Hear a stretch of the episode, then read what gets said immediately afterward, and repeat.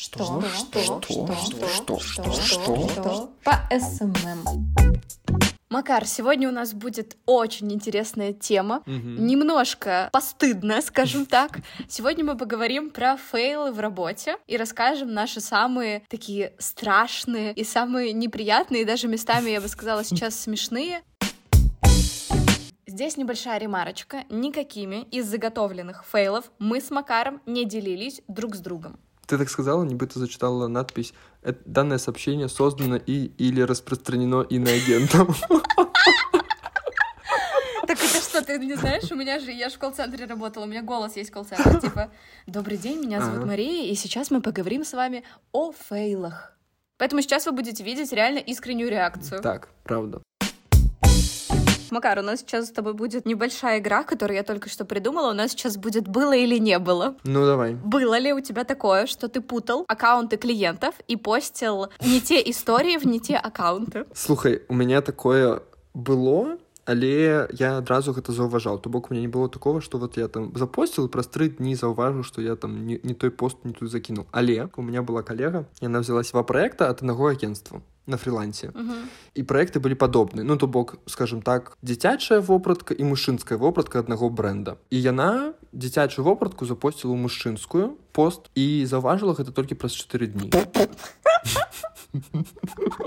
і такая типа ну, а что зрабіць такая? Ну ладно, выдалю. У меня такое было, у меня было такое два раза. Первый раз это я перепутала двух клиентов, причем они были совершенно разные. То есть первое это была флористическая студия, второе это были изделия из дерева. Я была на каком-то мероприятии, и мне нужно было выложить, ну, вот там и там по истории. Я не понимаю, наверное, я была сильно вовлечена в это мероприятие, ага. и я полностью перепутала их истории. Я выложила разные истории в разные профили. Заметила где-то через, ну, буквально минуты две, открываю Инстаграм, угу угу. понимаю, что там флористическая студия открыта, я такая, так, секундочку. Последнее, что я постила, это изделие из дерева.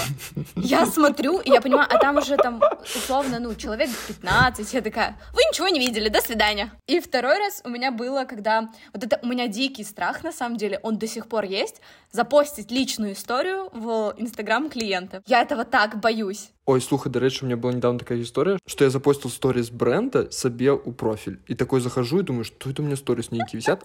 Да, у меня такое было и в личном профиле один раз. Я такой, один или два. То есть я, знаешь, прошло время, и я смотрю, мне там что-то отправляют реакции. Я думаю, мама родная, что ж я выложила? Захожу, и я понимаю, что ну, там хорошо, что хотя бы я присутствовала на этом креативе, то есть меня кто-то снимал, и то есть это в целом, ну, подошло, но я все равно удалила. Второй раз я выложила свою историю, я сняла просто на камеру, что-то я уже не помню, выложила в Инстаграм клиента, и прошло, ну тоже, наверное, я выложила, жду, пока загрузится, и я понимаю, что пока оно грузится, я понимаю, что это не мой аккаунт, я просто жду, пытаюсь это удалить, оно еще не удаляется, там какая-то ошибка, я думаю, да что ж ты творишь? Хотим нагадать вам про то, что у нас есть телеграм-канал, який называется «Что дайджест?». Если вы тоже устали от постоянных уведомлений в чатах и каналах, наш канал точно для вас. Каждую субботу мы публикуем дайджест с новостями и референсами из мира маркетинга и рекламы. Так что вы можете распрощаться с миллионами непрочитанных каналов и просто подписаться на нас. Посылка у описании.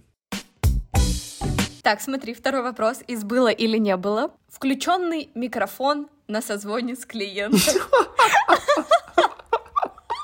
Ой, так, у меня такое было. Я просто сапраўды не ведаю, што тут сказаць. Ну такое было. Дзякуй Богу, я там нічога не казаў такога дрэннага. Просто мне патэлефанавалі, запыталі, можаш там зараз выйсці, спусціцца, там штосьці сабраць, штось, ну, карацей, дробязь нейкую, я просто удакладняў час. Ну і дзякуй Богу, то есть кліент добра адрэагаваў, ну, было, да.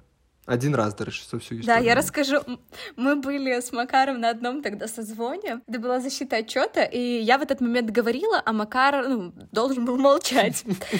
И в какой-то момент я понимаю, что ну, Макар начинает говорить, я понимаю, что у него включенный микрофон. Э, я замолкаю, я говорю, Макар, выключи, пожалуйста, микрофон. А Макару все равно, Макар болтает, такой, да-да-да, я сейчас свободен.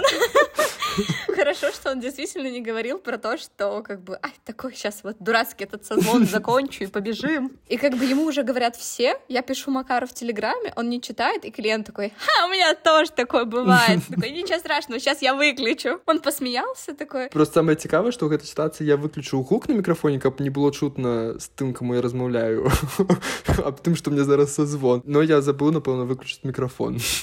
Да, у меня была такая ситуация, что я в университете была на созвоне, и очень сильно лагал интернет. Я думала, что когда лагает интернет, и я не слышу никого, меня тоже не слышат.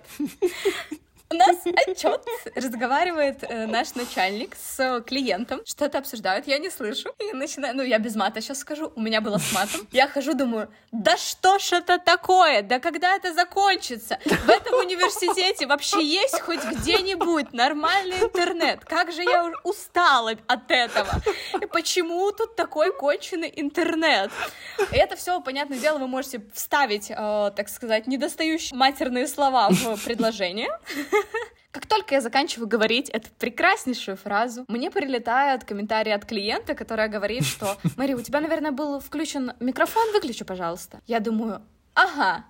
А с какого момента эту красоту все слышали? Мне пишет в этот же момент начальник, говорит, Мэри, ты совсем с ума сошла там? Мне пишет менеджер, говорит, Мэри, выключи быстрее микрофон. Я сижу, думаю, а что я сказала? А я уже не помнила, то есть это было на эмоциях, я не помню. Ну, так. И я потом пишу начальнику, я говорю, а что я сказала? И он мне записывает голосовое, я начинаю вспоминать, что я говорила, думаю, боже, какой позор.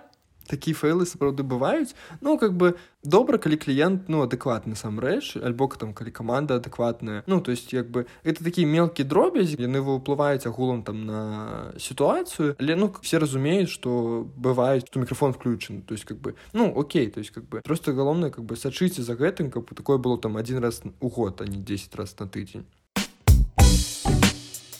пачну со свайго такого самого галоўнага фейла які у меня был это было 2021 годзе я працаваў у агенстве і быў проект з сеткай электрычных заправак у беларусі маланка калі хтосьці ведае вось там быў спецпраект быў такі немец які шмат разоў прыязджаў Беларусь на электракарах ну і пра яго калісьці хтосьці давно пісаў больш рэгіянальныя нейкі сМ там мы яго знайшлі як аказалось што ў студыі ну з таких крэатараў капірайтераў там менеджеру лепш за ўсё ангельскай мовы валодаю я і таму мне сказали макар ну так возьми у яго інтэрв'ю інтэрв'ю я такой типа ну окей мы падрыхтавалі пытанне ну я типа, з ім стэлефанаваўся взял яго інтэрв'ю гэтае і потом перадрукаваў яго пераклаў на э, расійскую мову Вось і што адбываецца далей я не быў удзельнікам таго проекту ну у поўным маштабе можна так сказаць я быў просто стороннім супрацоўнікам падрыхтаваў это інтэрв'ю у печатным варыянце і адпраўляю крэатару які вёў гэты проект Ну что мне кажуць типа ай я не буду гэта глядзець адпраўляйте по менеджеру менеджер так тоже уже был конец дня может быть пятница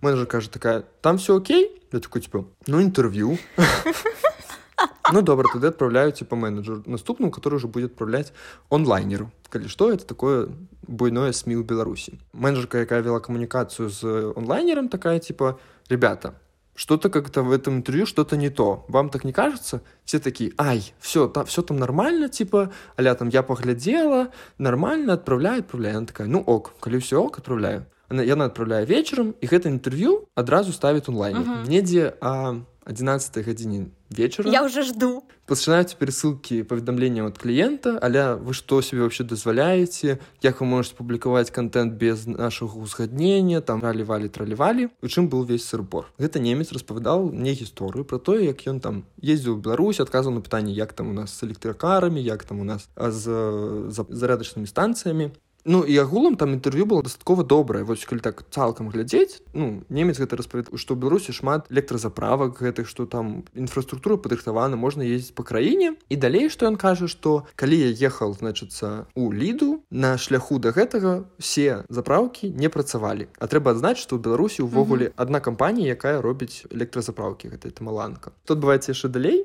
Гэта тое што гэта інтэрв'ю трапляюць тренды онлайнера і мне падаецца за суткі набіраюць там 65 тысяч праглядаў што для онлайнера это просто бешаныя лічбы то есть яно трапляю вось ведаеш там у першую шапку калі заходзіш там вось подборка самых галоўных навін яно вось там адной з першых все пра яго пішуць кліент пішет вы что вообще охренелі як вы можете так там на наступны дзень назначаецца созвон агульны на якім нам кажуць что мы з вами больше не будем супрацоўнічаць Вось это сапраўды такі ведаеш так это сапраўды праўда і это такі ну вось реально фейл года просто і калі я памятаю уладковался на нейкую працу ці прыхадзіў нейкае сабеседаванне запытваюць а які вось у тебя былі фейлы я кажу ці па ім што ну вось был такая сітуацыя такі што сапраўды гэта ты зрабіў потому что мы, мы, мы ведаем про гэты кейс я такой типа бляха капец просто это был сапраўды фейл ну трэба знаць что там как бы далей мы яшчэ посупрацоўнічалі нейкі час нейкім чынам там уладзілі гэты канфлікт вось ну все равно клиент потым ушел там ну может раз месяц макар ну это бомба я теперь не знаю что мне сказать как переплюнуть эту историю слухай вот мне падаецца что тут трэба адзначыць что навогул вось калі так подумать то любые помылки гэта нармалёва ну то бок все мы люди все мы не роботы там мы не нейрасетки так мы все робім нейкія помылки самое главное uh -huh. як вы рефлексируюць наконт іх то бок вы зрабілі штось якія вынікі вы з гэтага зрабілі і я хотел запытаць цябе про тое что вось распавядзі может быть про нейкія фейлы які там ты рабіла у пачатку сваёй кар'еры тому что калі ты прыходишь там нейкае агентство ці ўвогуле начинаешь працаваць як спецыяліст новой сферы ты постоянно робіш такі ну не такі глобальныя конечно касікі як мой але ты все равно робіш нейкія помылки які ну как бы тебя вельмі нервуюць ведаеш ну смотри на самом деле когда я только начинала работать когда были мои первые аккаунты проблемы в основном были из-за недостатка самоорганизованности Мгм. То есть, например, я прям помню, от меня отказался клиент, причем она отказалась очень резко, очень быстро, потому что на самом деле я вспоминаю сейчас, тогда я очень злилась, но я вспоминаю сейчас, что я реально на нее забивала. Это был второй мой клиент в жизни, и когда, то есть, я начала вести вместо одного двух, Мгм. а у меня есть такая черта, что я очень-очень быстро начинаю загораться чем-то, то есть работаю просто x5 в начале, и потом, понятное дело, что не хватает там, не знаю, креатива, уже не хватает сил, и все идет немножечко на спад. В целом, это могло бы быть нормально, если бы в начале не было это x5, а не там Ага, я x2. разумею. Я прям готова работать вот в начале просто за идею, там почти бесплатно, просто потому что я супер горю. А вот с этим клиентом вышло немножечко вообще все очень плохо, потому что она была второй, и я как бы вроде бы вовлеклась, все было супер, но из-за того, что я не успевала даже на двух аккаунтах, хотя сейчас это звучит смешно, прям с самого начала я просто жутко косячила по историям, то есть там были товары, я жутко косячила по ценам, я косячила по тому, как что отправить, потом они сотрудничали с блогерами, я вообще не следила за блогерами, Мгм. то есть это просто я работала, делала минимум, пыталась что-то сделать, но при этом всем как бы на таком не- немножко на подзабитом. И в конце мне просто прилетает, что вот, мне надоело тебя дергать, мне надоело постоянно что-то писать, давай мы расстанемся. И я такая, нет, я звоню, говорю, вы не, не предупредили меня за месяц, пожалуйста, оплатите этот месяц. Она такая, Мэри, ты вообще, ну, в себе. А я сейчас, вот, ну, буквально, наверное, перед этим выпуском я прям перечитала переписку, и я думаю, боже, какая я позорница. Это так стыдно просто, ну, там реально читать, где у меня все время она такая, а почему ты это не сделала? Я говорю, ой, извини, пожалуйста, универ, ой, извини, пожалуйста. Это я читаю, думаю, господи. А она ж, наверное, сейчас думает, что все СММщики такие. Я думаю, какой позор. Позорила всю культуру просто. Сейчас я приведу супер наглядный пример, чтобы вы понимали, насколько это все было на забитом. Двадцатый год. Я впервые, у меня три проекта. Я уже такая, вау, получаю за проекты супер мало, но делаю супер много, но при этом я такая, вау, ну очень классно, супер, я молодец. Я накопила денег, откладывала, откладывала. Я тогда жила в общаге еще от университета. Собралась поехать с подружкой в Грузию. Короче, э, ну, я говорю, я всех предупредила, я говорю, нет, все нормально, я буду постить вообще. А у меня там прям были такие цифры, что я там 6 историй в день, э, пост каждые два дня. И у меня, представь, три проекта. Ага. Обалденно, обалденно. То есть я все время должна была быть в телефоне. Мы ездили на 12 дней. Первые, типа, 6 дней было все окей. Я успевала, все нормально. А потом... Мне так стыдно, это кошмар. А потом я понимаю, что я не успеваю вообще никак. Что я делаю? Я пишу вот этому клиенту про то, что... Помнишь, я говорила про то, что поехала в Грузию? Так вот, я сейчас понимаю, что мне тяжело быть в. Грузии и работать. Я говорю, «Э, смотри, я сейчас беру себе отпуск за свой счет. За эту неделю вы можете мне не платить. И я приеду домой и буду работать в обычном режиме. Она мне звонит на телефон обычный, мобильный. Я Ага. скидываю и пишу ей, у меня роуминг. Она такая, Мэри, ты серьезно? Я говорю, ну да, типа все. Я говорю, давай обсудим. Мы созвонились. Она говорит, Мэри, ты понимаешь, что это некрасиво. Если бы ты предупредила заранее, все было бы ок. Я бы подготовила бы нам контент. Мгм. А Я просто, ну, я ничего не подготовила, я просто такая, у меня отпуск с завтрашнего дня, ребят, пока. І гэта ведаеш яшчэ пры умовах таго што типа потом ты такая уходзіш і кажаш типа ну я ухожу выплачиваеце за мінулы месяц як вы можете мне не платіць але пры гэтым дайце да- дайце мне отпуск з заўтрашняга дня Подожди, подожди, они еще после этого со мной работали. а сур'ёзна Да, да, да, сейчас я расскажу. Короче, я потом такая, ой, ну хорошо, ну ладно, я постараюсь, тогда уменьшаем в два раза постинг. Я говорю, ну ладно, за эту неделю можете не платить. Она такая, конечно, не платить, Мэри, ты серьезно? а там еще было то, что у меня была сессия, ага и во время сессии просто, ну, то есть у меня началась сессия, я поняла, что я не успеваю, я такая, сейчас будет меньше контента, потому что у меня сессия. ой так божечки як я люблю гэтыя гісторыі Это такой кошмар. Мне даже было стыдно, то есть, а у меня в голове было, что, блин, они так виноваты. Как они могли мне сказать день в день, что они меня увольняют? Мэри, которая сказала, что она уходит в отпуск, типа, с завтрашнего дня.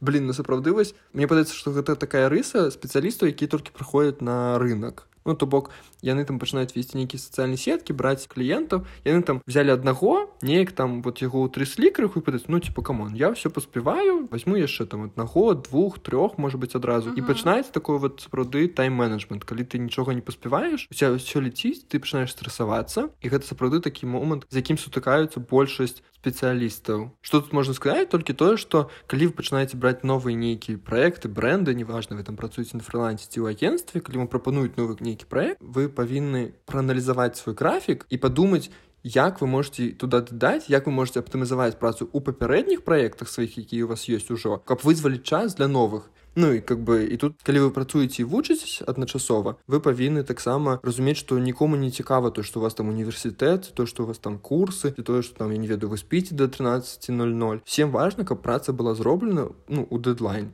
да, это правда. Мне кажется, что я просто желанием взять побольше проектов и заработать больше денег Мгм, так а, немножко не учла, что мне нужно делать 18 Мгм. историй день, причем уникальных и на разные ниши, что мне нужно писать 6-8 уникальных постов в неделю. Это, ну, действительно много. То есть сейчас, я не знаю, я бы подумала бы перед этим, то есть потянула бы в целом я бы такой объем или нет. Но я скажу, что эта ситуация, даже несмотря на то, какая она была ужасной и как некрасиво я поступила, Мгм. в целом вот такой марафон очень сильно меня закалил. И я понимаю, что в целом моя большая работоспособность какая-то, и то, что я могу реально в стрессовой ситуации придумать, там, сгенерить кучу креатива и так далее, как раз идет от того, что перед этим я делала там по 18, по 20 историй в день. так конечно Как бы за счет этого, ну, у меня был какой-то график, я что-то пыталась делать, то есть я пыталась наладить какой-то тайм-менеджмент, но на самом деле я понимаю, что даже сейчас мне в мою жизнь внести 18 историй в день, ну, я обалдею. слухай насамрэч так у пачатку я казаў про то што трэба рабіць нейкія вынікі са сваіх фэйлавых касякоў і тут я хочу сказаць напрыклад у сваім выпадку калі гэта все адбылось я зразумеў што неважна там і гэта не твой проект ну как бы ты все роўна працуеш у камандзе ты павінен аналізаваць тое што ты робіш ну то бок ты здал тэкст так ну як павінна быць увогуле ты здал тэкст і яго паглядзела яшчэ нейкая колькасць чалавек але трэба мець на ўвазе тое што яго можа ніхто не паглядзець і гэта не Мгм. толькі з тэкстамі гэта і з візуаламі гэта ўвогуле там з нейкімі праектамі прэзентацыямі канцэпцыямі ну гэта ўсяго датычыцца Это правда. Рубрика. Рубрика. Макар Дед. Сейчас у нас будет рубрика Макар Дед. Она посвящена всем тем, кто, как и Макар, не шарит за молодежный сленг. Макар, ты готов? так капітан Я не слышу. И первое слово у нас это лашфар. Есть какие-то догадки? Лашфар Лашфар, да. Э, ну гэта штосьці крыўднае Да, это негативная окраска слова. но гэта звязана з лохам ну ты лох Нет. не Не, это больше слово, описывающее саму ситуацию. Это не говорят, как обзывать. А ну может быть гэта тады будзе штосьці типа ну як сітуацыя лашфар типа дрэнная сітуацыя нейкі Э, такі ну- ведаеш як косяк может быть что-нибудь такое как Это слово, которое описывает ситуацию, но не так, что это какой-то фейл. лашфар фар это фара все что мы не не ведаю Мне нравится, как ты такой, так, это фара. мне нават ніякіх дагадак няма ведаеш што бок там асацыяцыі нейкі ну там одна была і яна цалкам неправільная ну і все я просто нават не ведаю што тут можна сказаць яшчэ ну типа лашфар ну ты лашфар не лашфарная ситуация типа нейкі ну так косяк фейл нейкі там калі штось ну круці прям вообще безыдейно хорошо смотри всего есть три значения у слова первое значение это что-то не модное то есть уже такой антитренд скажем так второе значение это антоним слова хайп Ти- а блин вось я дурак а третье это синоним я зашквара дурак потому что лашфар это ж как зашквар да да да реально. да да это, мне кажется, тебе будет полегче. Мне кажется, ты это отгадаешь. Второе слово у нас каливинг. каливинг Угу. это что связано с калийными удобрениями Нет, Макар, включаем мозг. каливинг может быть э, ну як яднанне коллег типа там вось тимбилдинг каливинг О, это ближе, но не совсем так. Это объединение. Но смотри, попробуй подойти к этому слову с английской стороны. ну кол это созвон винг не ведаю винг это винкс фей винкс Нет. Давай я тебе скажу, как правильно. Тебе нужно отдельно отделить не кол, а ко. ко Ко. Ливинг? А, сумеснае пражыванне. Да. Блин, ну гэта, конечно, ты мне подсказала прям жорстка тут за- залічыць нават не нельга. Для мяне гэта эти каліны угнаення.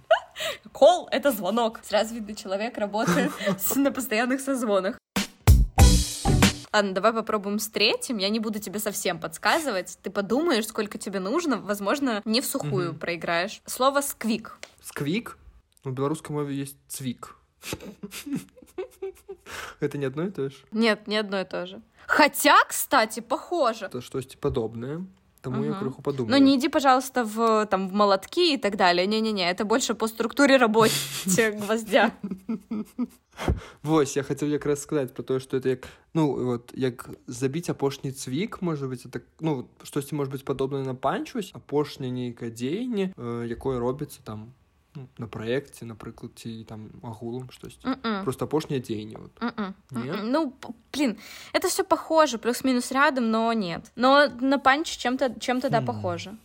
То есть, но это слово сквик это не, не последнее, что говорят. Но его точно так же, ее точно так же, как гвоздь, вбивают. не апошняе нейкая вельмі важная думка якую трэба данесці напрыклад М-м. Но тоже что-то важное. не ведаеш думка ось як гэтая моладзь запамінаеш то што азначае Ну слушай, ну мы же тоже, когда были подростками, мы запоминали, какие эти слова были, разговаривали на сленге. Слухай, у меня не было сл- сленга. У меня были яблоки на даче, которые треба было рвать, и хутка на ровер убегать. Ой, боже. Ну что, сдаешься? Блин, походу реально будет 3-0, потому что у меня снова нема ниводной идеи. Сквик. Может быть, это Сквидвард, что-нибудь из Спанч Боба. Э, Хорошо, рассказываю. Квик — это какая-то шокирующая информация, у которой крайне негативный характер. Также еще сквик — это такое, знаешь, что-то со странностями. То есть, например, это используется в фанфиках, когда пишешь прям супер шокирующий, супер странный и так далее. Цікаво, што з'яўляюцца новыя словы такія вось которые зусім ну я разумею там напрыклад што яны стануць хутка неактуальны там імі перастануць карыстацца як там не ведаю я па сей дзень кажу кек і крінж я не ведаю наколькі гэта актуальна сёння ну то есть есть напэўна нейкі іншы словы як там лашфар да ну добра 3-0 на карысць моладзі будзем ісці далей працягваем слухаць наш падкаст Слухай, Мэри, а вось калі браць не толькі нашы фейлы так а вот браць агулам фейлы ў каманднай працы так?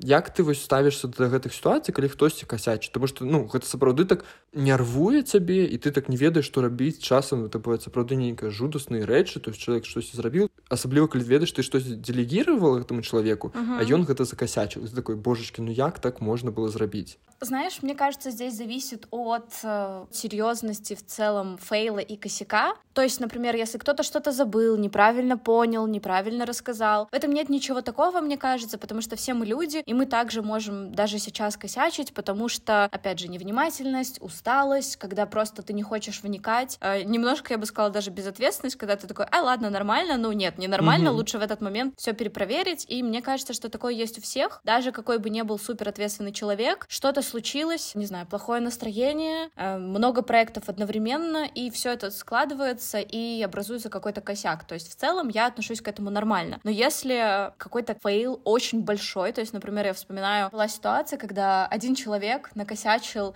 нам двоим одинаково. Это была девочка, которая раньше вот была модератором, потом стала сторисмейкером, и просто она нашла себе новую работу, параллельно к тому, как работала с нами, и она перестала полностью выполнять свои обязанности, начала говорить про то, что ой, я не успеваю здесь, там, ссылалась мне на загрузку от Макара, Макару на загрузку от меня. Угу ну, не знаю, возможно, человек не думал, что мы с Макаром в целом общаемся, ведем хорошую коммуникацию, ага. но когда это все выяснилось, это было действительно неприятно, даже, я бы сказала, такая подстава, когда ты входил в положение человека, а человек, то есть, ну, максимально тобой воспользовался и поступил некрасиво. До речі, тут такий момент, що ми з тобою просто доволі такі відкриті люди, то бок ми готові допомогти завсёды. Ну, і коли там нам пишуть про те, що там, блін, у мене там не отримлюється, ми такі, ну, как бы, допомогу, тому що, как бы, є час, как бы, і дедлайни горять, то есть у всіх там вялікая загрузка. Вот ёсць такія сапраўды людзі які пачнуць гэтым карыстацца і гэта конечно супер непрыемна мне падаецца што ее звольнілі тады. Ну не конкретно за гэтай ситуацию но агулам то есть а она сама сошла из-за того что знайшла себе новую працу. Да потому что она еще мне рассказала это все у меня с ней была хорошая коммуникация. Вось мне таксама больше, больше всех мы с тобой входили в ее положение, и она как бы рассказала ага. мне про то, что вот, понимаешь, я тут нашла работу новую, ну ты меня понимаешь. И в этот момент я сижу, думаю, нет, я не понимаю. Я рассказала начальнику, я как бы рассказала э, руководству в целом, что вот такая, мол, ситуация, и как бы ей пришлось признаться, что да, да, у меня есть новая работа, поэтому мне на вас, грубо говоря, все равно. И ведаешь, у этой ситуации мне больше всего закрануло то, что у нас с ёй были, ну, такие человечные адносіны ведаешь когда ты там можешь просто написать человеку як ты себя адчуваеш як там тебе там той чалавек ці гэты чалавек як там тебе ў камандзе ўвогуле ці там не напружваю я цябе там і так далей запытаць пра загруз mm -hmm. калі я даведаўся што яна сыходзіць яна не сказала мне про тое что я сыходжу там альбо я шукаю зараз сабе працу макар типа я как бы могу там рабіць штосьці дрэнна типа сам разумееш якая сітуацыя я б нормально до гэтага паставіўся і зрабіў бы яе працу ну так потому что разумеў бы что человеку не до гэтага але яна сказала мне разам з усімі то бок просто там у чат написала не памятаю ці ў пошту увогуле может быть не яна написала і я такой типа блин вот это реально подстава мне здаецца я тебе написала может быть может быть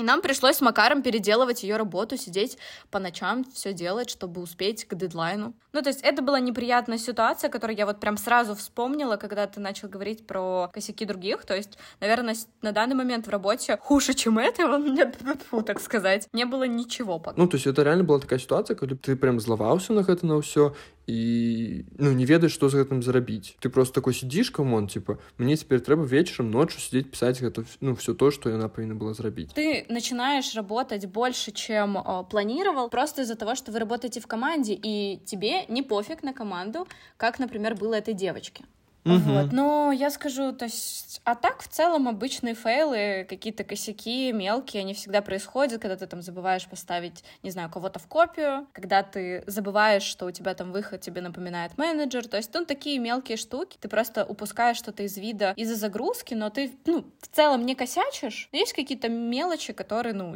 есть в любой, мне кажется, работе просто за счет человеческого фактора. Так гэта цалкам нармалёва тут самая галоўная думку якую мне падаецца я хочу данесці што рабіць памылкі гэта нармалёва памылкі робяць усе пачынаючы там чалавека які там на стажыроўку прыйшоў які там увогуле не ведае нічога пра сферу сканчваюся самых там топавых менеджераў яны таксама робяць памылкі просто яны может быть рознага ўзроўню менеджер там высокага звена там неправільны бюджэт подлічыў так? А дзяўчынка гэта там сторис не, не запосціла а яшчэ дарэчы чаму вось так просто ставлюсь да памылак хто не ведае я дыслексік так? І дыслексія это такая ну это не хвароба правильно называть ну скажу хвароба это калі ты читаешь тэкст і не бачыш э, яго так складана сказаць у апісанні будзе спасылка на сайт вы можете паглядзець і убачыць як я бачу тэксты і таму мне складана заўважыць нейкія памылкі ў тэкстах то бок там альбо печаткі а яшчэ хутка печатаю на кампутары то бок я нават не гляжу на клавіатуру і часто вось просто ну ведаеш там бывают такія печат ну, ты дакладна ведаеш да я небольшой корректор наших текстов Так і вось ведаеш так у меня самога дзяцінства і там я звыкся да таго што мне там у ну домашняй працы працы над памылкам як это ў школе было там у меня мільён памылак які мне трэба выправіць ну то есть я звыкся да гэтага і ставлюся да гэта нармалёва канешне гэта непрыемна там кліенту сам галоўна каб каманда у якой ты працуеш гэта разумела і ну как бы дапамагала тебе ў гэтым. Ну то бок ты дапамагаеш там менеджеру з чымсьці а менеджер напрыклад дапамагае тебе ў гэтым. Таму я да памылак ставлюсь даволі лёгка конечно ты перажываешь конечно ты на стрэсе там цеюць ладошки і так далей ну как бы але агулам трэба адпускаць гэта асабліва калі гэта памылка нейкага іншага чалавека ты павінен просто зразумець ну как бы ён зрабіў памылку хай ён там пацеет а не ты калі ставіцца да ўсяго па-чалавеческі то как бы ну мне падаецца все будзе ок Да, мы не роботы, поэтому ошибки — это есть часть нашей жизни. Самое главное — это уметь учиться на ошибках и не бояться их признавать. Мне кажется, вот это вот основные аспекты, которые всегда нужно учитывать в работе. Что? Что? Что? Что? Что? Что? Что? По СММ.